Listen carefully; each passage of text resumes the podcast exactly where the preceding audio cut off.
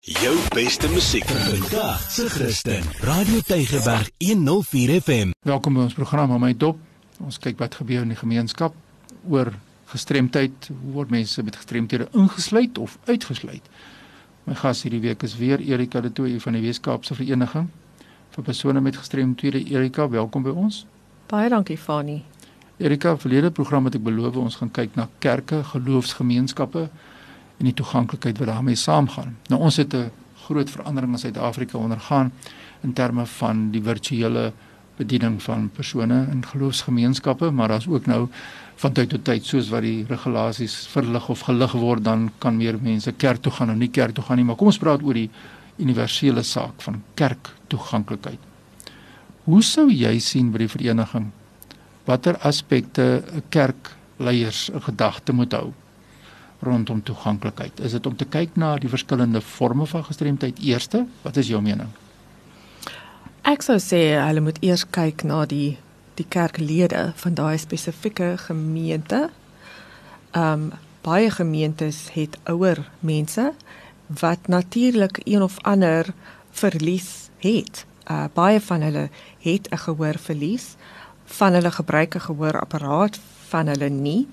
En daar's baie maklike maniere om seker te maak dat daai persone ingesluit is in die hele kerklike ervaring. Ja. Ehm um, so ek sal ek sal daar begin. Ja, dis 'n gemeenskap, né? Nee? Dis 'n gemeenskap. Maar jy praat nou van die mense wat kommunikasie uitdagings het. Hmm. Nou sê die mense, goed, ons kan nie meer kerk toe gaan nie want as gevolg van die COVID-19.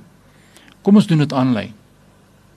Maar nou as jy die gehoor gestremde kyk, is die platform nie toeganklik die medium wat die mense gebruik want van hulle het nie subtitels nie. Vertel ons daaroor. Mm. Dit dit is reg. Dit is heeltemal reg. Ehm um, in my ervaring met met my kerk ehm um, is alles wat wat in die diens gebeur word op 'n 'n skerm geplaas. So al die gebede, al die die nou nie die preek nie, maar die preek word voor die tyd aan almal geëpos. Dis um, goed. Maar alles alles gebeur. Wat gebeur nou? Ons gaan nou bid of ons sing hierdie liedjie en hier is die woorde. En dit help geweldig baie met iemand met gehoorverlies. Al kan hulle nie hoor nie, kan hulle nog steeds die woorde volg. En en dit help. Ehm um, die die klank is miskien weg, maar hulle kon kon nog steeds die die liedjies tipe van sing, maar meer as 'n 'n persoonlike gebed, sal ek maar sê. Ehm um, en en dit dink ek is die die heel maklikste ehm um, om mense dan in te sluit. Baie interessant. Maar jy praat nou van insluit mense in te sluit. Dis nou mense met met gehoorverlies.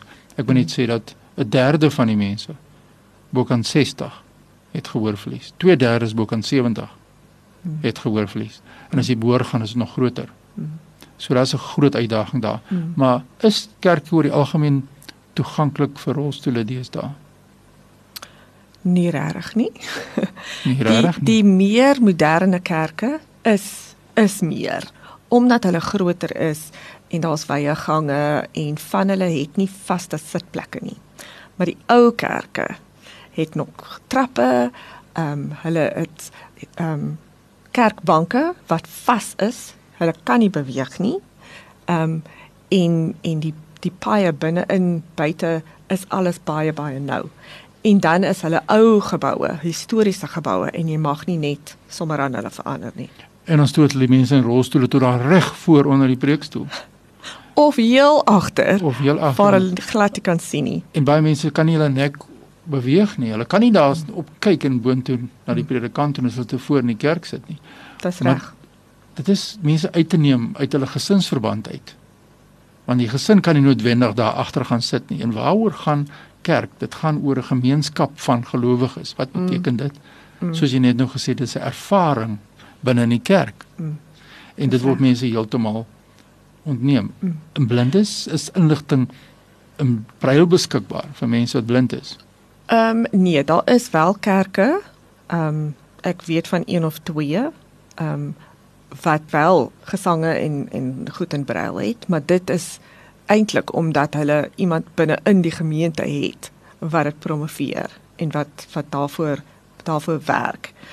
Maar ek sou sê ook ehm um, uh die die die hele aankoms by die kerk ehm um, is die die verwelkoming van die die kerkgangers gaan ook oor gesindheid.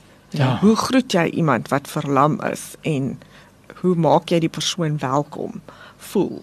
Ja. En dit is baie belangrik. Staan bo hoog en kyk af na die persoon toe mm. of maak 'n mens oogkontak op dieselfde vlak. Ja. En as jy iemand benader, is jy weet jy kyk af na 'n persoon. Ag ons kan ure oor hierdie saak gesels, maar ek dink Erika het nou vir ons baie gegee om aan te dink en dit is oor hoe is ons kerke toeganklik. Ons aktiwiteite na erediens in die week. Die wijkbyeenkomste is soms totaal ontoeganklik. Mense dink nie eens daar's gestremde persone in die gemeentes wat graag hierdie wijkbyeenkomste wil bywoon nie. Erika baie dankie. As mense nou julle wil skakel, julle sensitiseringsprogramme, julle maak mense bewus van hierdie saak wat ons nou genoem het. Waar kry hulle vir jou in die hande?